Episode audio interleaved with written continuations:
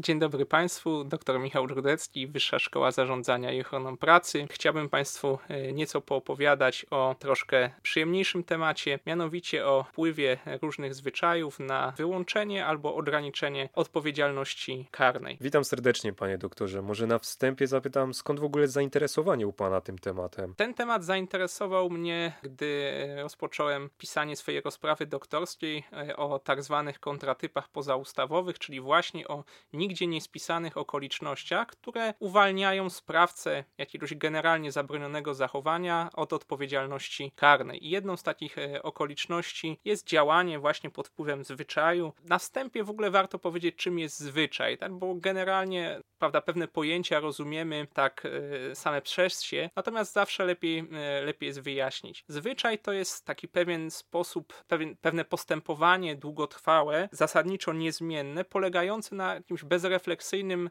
naśladowaniu e, poprzedników, którzy się tak zachowywali, tak, tutaj najczęściej członków jakiejś grupy społecznej e, i to postępowanie e, jest kontynuowane, ponieważ ma się przeświadczenie, że tak nakazuje tradycja, że tak postępowano dawniej i że trzeba tak dalej robić. I oczywiście zwyczaj obecnie, szczególnie tutaj jeśli chodzi o prawo karne, nie jest źródłem prawa, ale może wpływać na zagadnienia właśnie związane między innymi z zakresem odpowiedzialności karnej. Podam teraz przykłady takich prostych e, zwyczajów. Oczywiście te zwyczaje mogą być znane całemu społeczeństwu, jak i jakiejś jego części, czy grupom społecznym, a także mniejszościom. No i to wszystko będzie się też przekładało na wyłączenie bądź ograniczenie odpowiedzialności. No i takim przykładem, chyba zawsze podręcznikowym, podawanym jest śmigus dyngus. Tak? To jest taki zwyczaj, e, który już wydaje mi się, że zamiera, ale polega on oczywiście, że w lany poniedziałek, w drugi dzień świąt wielkanocnych, oblewa się obce osoby wodą i takie zachowanie nie stanowi w ten dzień naruszenia nietykalności cielesnej. Czyli w normalny, zwykły dzień powszedni, jeżeli byśmy wbrew woli oblali drugą osobę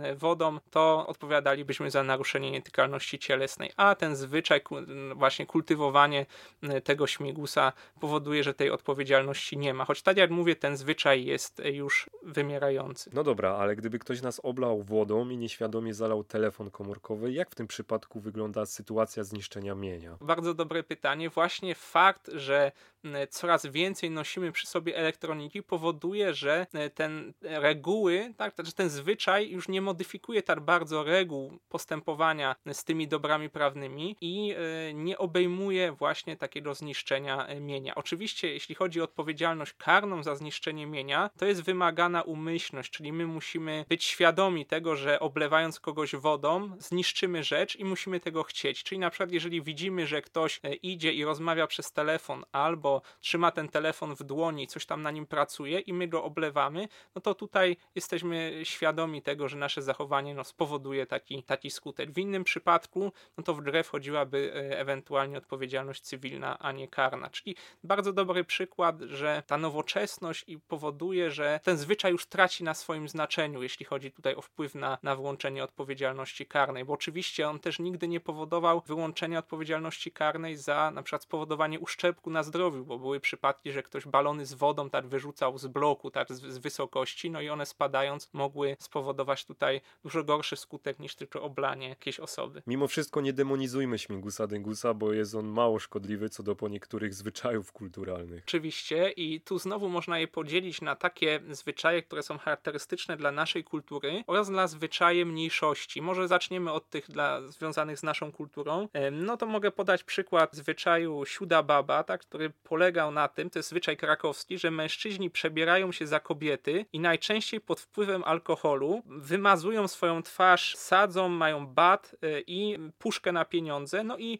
oni domagają się głośno i natarczywie datków od przychodniów, no i grożąc, że albo ubrudzą tych przechodniów sadzą, albo ich też y, uderzą tym batem. No i to jest też jeden z właśnie z takich kontratypów, znaczy z takich zwyczajów cyklicznych. Ten zwyczaj był związany z jakim świętem? To był bodajże jakiś zwyczaj związany z właśnie teraz ze zbliżającym się przełomem y, świętojańskim, mhm. tak? Natomiast bardzo podobny to zwyczaj drabów noworocznych. No i też sama nazwa wskazuje w nowy rok, tak, takie przebierają się osoby za takich dryblasów, no i oni dokuczają mieszkańcom południowych kresów Polski, tak naruszają mir domowy e, i przeszkadzają właśnie w nowy rok, co ma też przynieść szczęście. Przeszkadzanie ma przynieść szczęście? Tak, tak, tak, że nawiedzenie takiego draba ma gwarantować gwarantować szczęście. Opowiem też Państwu o takich zwyczajach, właśnie też regionalnych, związanych z naszą kulturą, czy z poszczególnymi tak kulturami, ale, ale w naszym kraju. I te zwyczaje wiążą się z szeroko pojętym naruszaniem praw zwierząt. I pierwszym z nich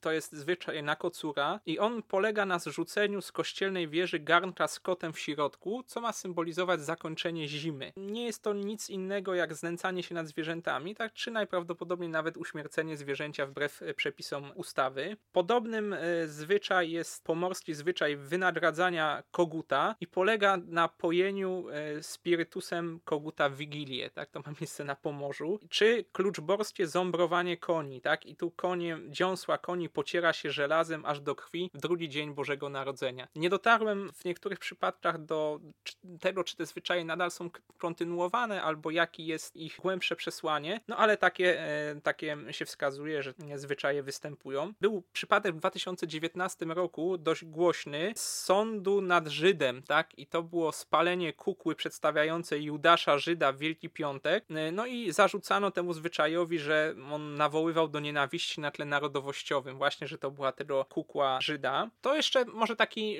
bo tutaj mm, było pytanie o kontrowersyjne zwyczaje, e, takie drastyczne, może nie drastycznym, ale też pewnie doskonale Państwo pamiętają, jakie wywołało to emocje, jak Robert Lewandowski otworzył szampana, tak, i wypił na stadionie szampana i piłkarze wraz z nim pili szampana, to było chyba przy awansie na Mundial w 2018 roku, no co było piciem alkoholu w miejscu publicznym, czyli też czynem, który jest zakazany, to jest, jest to wykroczenie, ale ten zwyczaj powoduje, że to zachowanie jest akceptowane. No i to jest, to jest ta pierwsza kategoria zwyczajów. Oczywiście to zachowanie może być akceptowane w całym kraju, na, na przykład Sylwester też, tak, że w Sylwestra no, nikt nie zgłosi zakłócenia e, spoczynku nocnego, no bo zwyczaj powoduje, czy, że, że to jest dopuszczalne, akceptowalne. Tak samo, nie wiem, juwenalia też nikt nie, nie, nie, nie zgłosi tutaj zakłócania. To jest w całym kraju, ale te mm, zwyczaje takie mniejsze, tak, w mniejszych regionach, to one powodują legalność właśnie w ramach tej danej kultury, czyli jest też taki zwyczaj polegający na bębnieniu w bębny w e, niedzielę wielkanocną. O godzinie też piątej czy tam szóstej rano no, jak zaczyna się rezurekcja. No i to też jest zakłócanie spoczynku nocnego czy porządku publicznego, ale właśnie w ramach tego, tej miejscowości, gdzie to ma miejsce, no jest to akceptowane i też nie powinno rodzić konsekwencji. Natomiast są zwyczaje, o których już nie można powiedzieć, by pływały na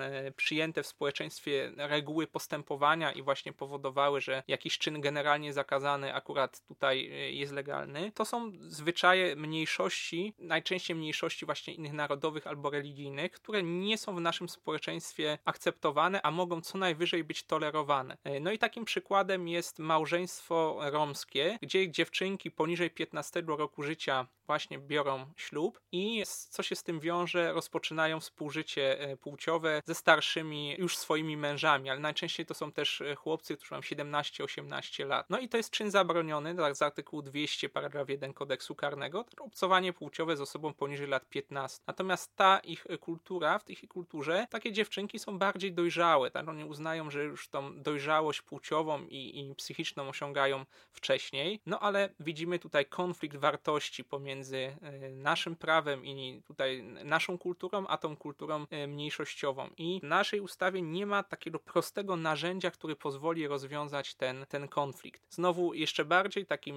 mm, radykalnym zwyczajem, który według konwencji stambulskiej nie powinien być usprawiedliwiany nigdy w żadnym kraju, tak, który jest stroną tej konwencji, to jest rytualne obrzezanie kobiet. Tak, rytualne obrzezanie kobiet polega na wycięciu ich łechtaczki, które powoduje, że już nigdy nie będzie odczuwała przyjemności seksualnej. Jest to zabieg upokarzający, krzywdzący, też bardzo bolesny, no i ingerujący tak wolność seksualną kobiety. No i to jest przykład zwyczaju, który tutaj nie, nie powinien być niczym usprawiedliwiany. Innym zwyczajem takim mm, jest obrzezanie chłopców. Tak, obrzezanie chłopców znowu jest istotne w religii islamskiej no i judaistycznej E, I tutaj mamy przykład zwyczaju, którym no, jest konflikt właśnie między dobrem, między prawem tego dziecka w przyszłości do decydowania o swoim ciele, tego chłopczyka, a wierzeniami religijnymi rodziców, bo na tych rodzicach jest taka, na, na, na ich psychice ciąży bardzo duża presja związana z tym, że jeżeli oni nie poddadzą tego dziecka temu obrzędowi, no to w myśl religii judaistycznej nie będzie miało przymierza z Bogiem. Tak? Czyli to, jeżeli dla radykalnego właśnie tej wyznawcy judaizmu, to jest też coś, coś, coś ważnego. No i wtedy w prawie karnym możemy się zastanawiać, czy wina takiego sprawcy, takiego rodzica nie będzie wyłączona, no i czy też nie, że nie będzie też podlegał odpowiedzialności karnej. Ale tak jak już wspomniałem, tutaj e, w prawie nie ma takich narzędzi, które by jednoznacznie dały możliwość do oceny tej, e, tej sytuacji. Można powiedzieć, że jest właśnie w naszym prawie luka, no i to jest nie jedna luka, tak, bo właśnie tutaj prowadząc badania swoje, do swojej rozprawy doktorskiej, w wielu przypadkach odkryłem, że, że nie ma narzędzi do, do rozstrzygania takiego typu konfliktów. Być może tych narzędzi jest bardzo trudno stworzyć i, i, i, i to powoduje taką sytuację. Dobrze, chciałbym jeszcze wrócić do sprawy kuku spalonego Żyda. Jak zakończyła się ta sprawa? Szczerze przyznam, że, że nie śledziłem tego dalej. Tam było wszczęte postępowanie, ale nie znam tutaj szczegółów. Wydaje się, że przynajmniej wiadomo, tu trzeba badać dokładnie każdy, każdy przypadek, ale że takie zachowanie stanowiłoby czyno znikomym stopniu społecznej szkodliwości. To też zależy jeszcze, ile osób było świadkiem, jak to zostało odebrane, jaka była motywacja tych sprawców, czy rzeczywiście to było dążenie do kultywowania tego zwyczaju, czy rzeczywiście chcieli tutaj ukryć tym zwyczajem jakieś treści cechujące się tak mową, mową nienawiści. Dlaczego według doktora takie zwyczaje są dalej pielęgnowane? Wydaje mi się, że to może być to, to silne poczucie poczucie przywiązania do tradycji, które daje też poczucie bezpieczeństwa. Wie pan, topienie marzanny to jedno, ale palenie Żyda w dzisiejszych czasach ma zupełnie inny wydźwięk. Właśnie wydaje się, że to albo może, jeżeli to jest chęć dochowania tradycji, no to właśnie dlatego, że to daje jakieś poczucie bezpieczeństwa, może czasem fałszywe, albo tak jak już wspominałem, to jest chęć wykorzystania e, jakiejś gdzieś dawnej tradycji do głoszenia swoich poglądów, tak, które są, które należy ocenić w, w tym kontekście negatywnie, które kontynuowanie tej tradycji tradycji może przynieść właśnie więcej szkód niż pożytku. No i tak samo można powiedzieć tak chociażby o tym zrzucaniu kota zwierzy kościoła. Że to nie jest taki e, nieszkodliwy zwyczaj, tak jak, nie wiem, stawianie szlabanów weselnych albo e, jechanie w orszaku weselnym i trąbienie, tak, co też jest wykroczeniem.